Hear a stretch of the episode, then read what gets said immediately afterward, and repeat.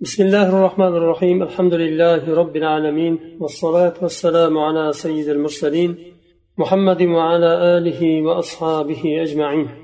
اللهم علمنا ما ينفعنا وانفعنا بما علمتنا وزدنا علما يا عليم. أصول الفقه قاعدة تختجندك الأمر بعد المنع لا يتعين للوجوب. منع كين كيان أمر واجب كان bildirmaydi ya'ni shariya bir narsani bizga man qilgan bo'lsa undan keyin man qilishlikni ibtol qildi. Ya'ni bir muayyan bir ishni yo fe'lni shariat man qildi izn bermadi qilishga. Bir muddatdan keyin shunga izn berildi. Agar izn beriladigan bo'lsa shu narsa vojib ekanini bildirmaydi shu izn berilgan narsani. Chunki oldin man qilindi va shu man qilingan narsani ko'tarildi. Tamom. قد يرد الأمر بعد مانع فلا يكون حينئذ للوجوب وإنما يقتضي العودة إلى ما كان عليه الأمر قبل المنع. بل فعل ما انقلنده ما انقلن ينكين أمر سيغة شو في قلش لك إذن كلش ممكن. مثلا قبر لأن زيارة قلش ما انقلنده بل مدة تنكين رسول الله صلى الله عليه وسلم onu bir hikmat bilan man qilgandilar undan keyin ala fazuruha dedilar. Bundan keyin ziyorat qilaveringlar dedilar qabrlarni chunki oxiratni o'limni eslatadi sizlarga dedilar. Bu zuruha amr siyg'asida keldi. Amr siyg'asida kelgani shuni vojib ekanini bildiradimi? Ziyorat qilishlik vojib bo'lib qoladimi? Yo'q deyilyapti. Amrdan oldin qanday holda bo'lgan bo'lsa o'sha holatga qaytadi. Ya'ni mana qilishdan oldin qanday holda bo'lgan bo'lsa. Man qilishlikdan oldin balkim u vojib bo'lgandir balkim mustahab bo'lgandir balkim muboh bo'lgandir. Mana qilishlikdan oldin qanday holda bo'lgan bo'lsa o'sha holga qaytadi. Misol beryaptilar.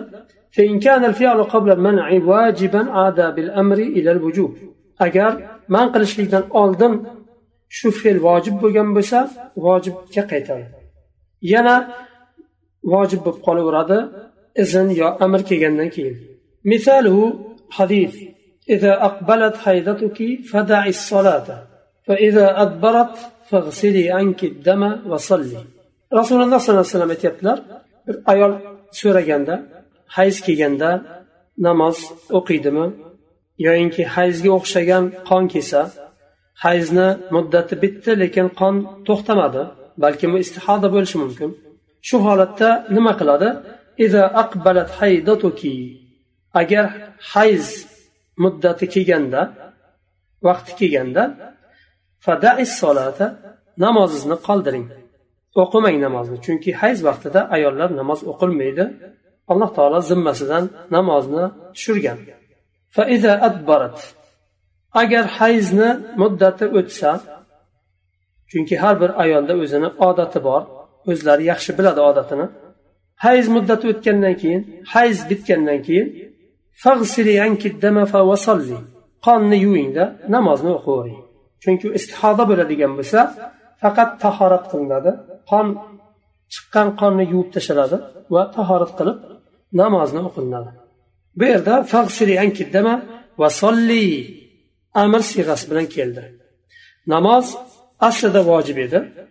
hayz kelganda vojib ekanligi to'xtadi ayollardan hayz muddatida soqit bo'ladi namozni vojibligi hayz bitishi bilan yana vasolli bu o'sha vojib bo'lgan holiga qaytadi فإن فعل الأمر صلي هو للوجوب لأن الصلاة كانت قبل امتناعها بالحيض واجبة صلي أمر فعل بلان كيلد وأمر صيغة واجب ekaniga dalolat qiladi agar mutloq bo'lib keladigan bo'lsa bu yerda vojib bo'ladi nima uchun chunki man qilishdan oldin vojib edi hayz ko'rgan ayolga namoz man qilindi nima sababdan chunki hayz keldi hayz vaqtida namoz o'qishlik mumkin emas va hayz bitishi bilan o'sha vojib ekaniga yana holatiga qaytdi ikkinchisi وإن كان الفعل قبل المنع مستحبا عاد بالأمر إلى الاستحباب ومثاله الحديث كنت نهيتكم عن زيارة القبور ألا فزوروها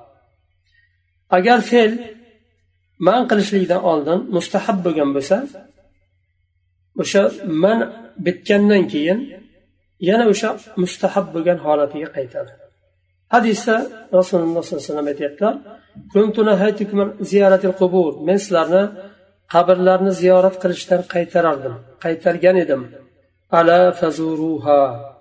عند زيارة قلورينر دب نما زيارة قلشك إذن بيردلر ما نقلش دا أولد مستحب إذا؟ ينا مستحب حاليا قيتر. وإن كان الفعل مباحا عاد بالأمر إلى الإباحة. كقوله تعالى غير محل الصيد وأنتم حرم.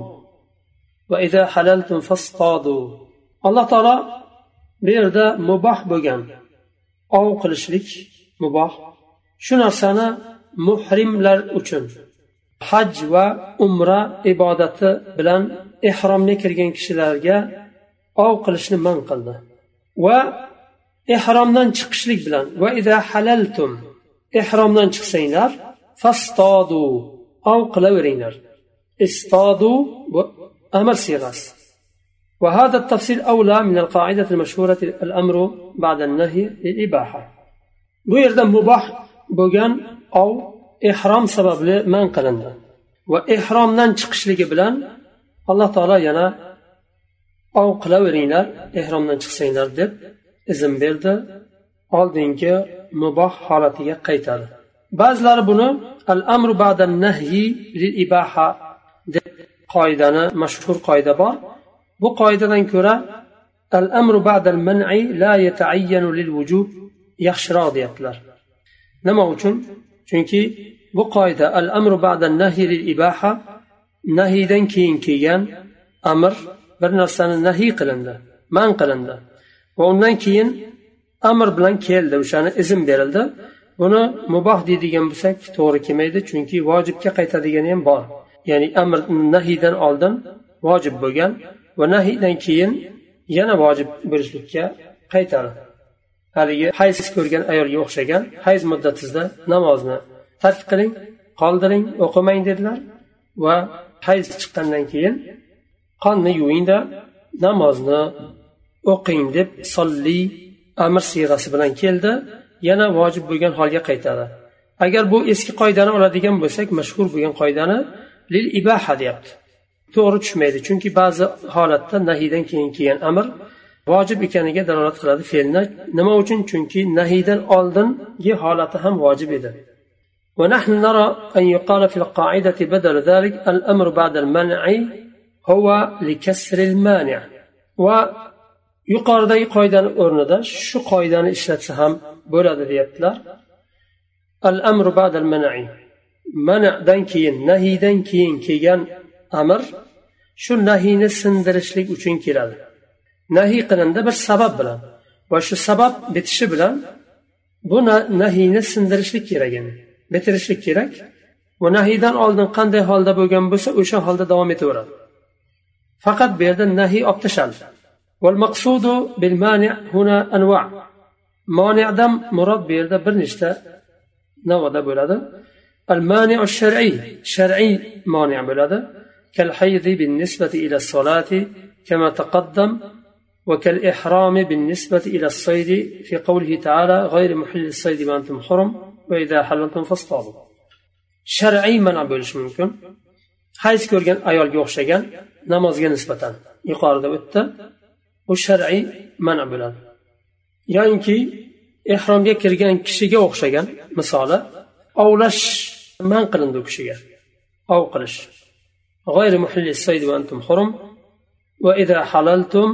غير محل الصيد وأنتم حرم وإذا حللتم فاصطادوا harom bo'lgan holda ya'ni ehromga kirgan hollaringda ov qilmanglar deb alloh taolo man qildi undan keyin agar ehromdan chiqsangizlar ov qilaveringlar ikkinchisi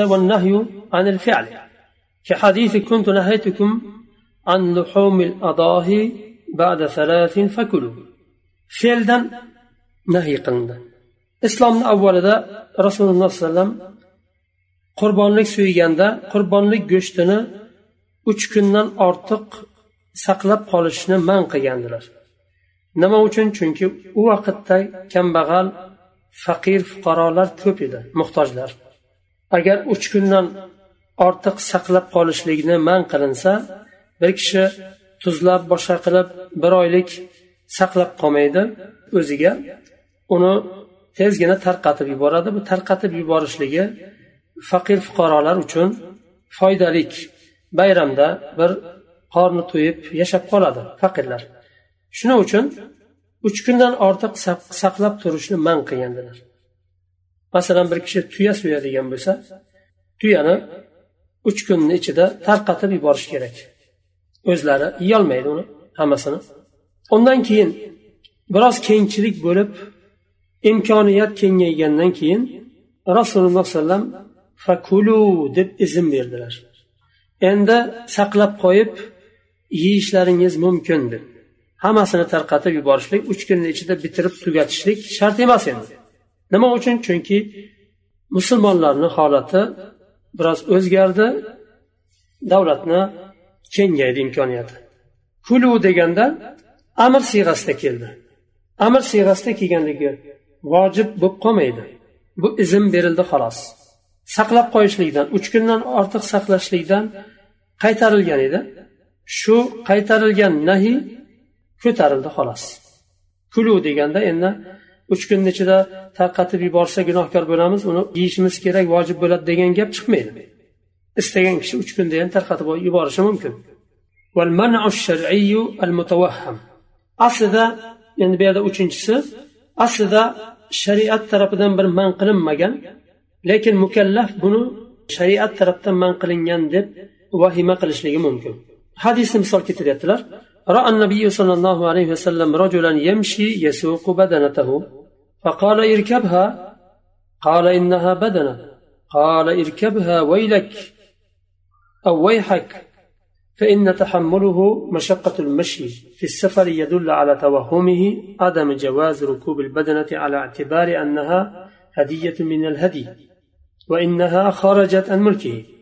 rasululloh sollallohu alayhi vasallam bir kishi qurbonlik uchun atagan hayvonni minmasdan qiynalib yetalab ketayotganini ko'rdilar. Va aytdilar mening dedilar. Nima uchun yetalab ketyapsiz? Mening. Qurbonlik niyatida yetalab ketayotgan kishi aytdiki bu qurbonlik bu qurbonlikka niyat qildim. U kishi o'yladiki qurbonlik deb niyat qilgandan keyin uni meni bo'lmaydi deb o'yladi bu haligi shariat tarafdan man qilingan deb vahima qilishlik bu. Shunda aytdilar sollallohu alayhi vasallam irkabha vaylak mening minavering hech narsa qilmaydi deb buni man qilinmagan ekanini bildirdilar.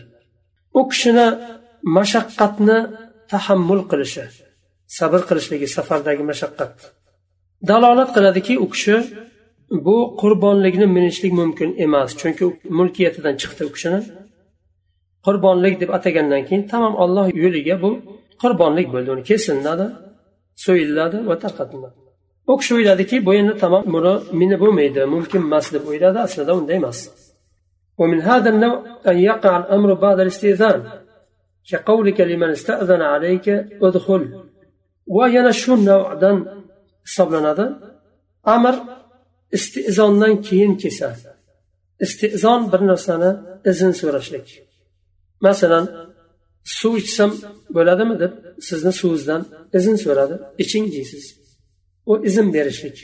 Iching deganda vojibni bildirmaydi. Yoyinki kirishga izn so'radi. Kiring dedingiz. Bu udhul amr siyrasida bu ham shunga o'xshagan.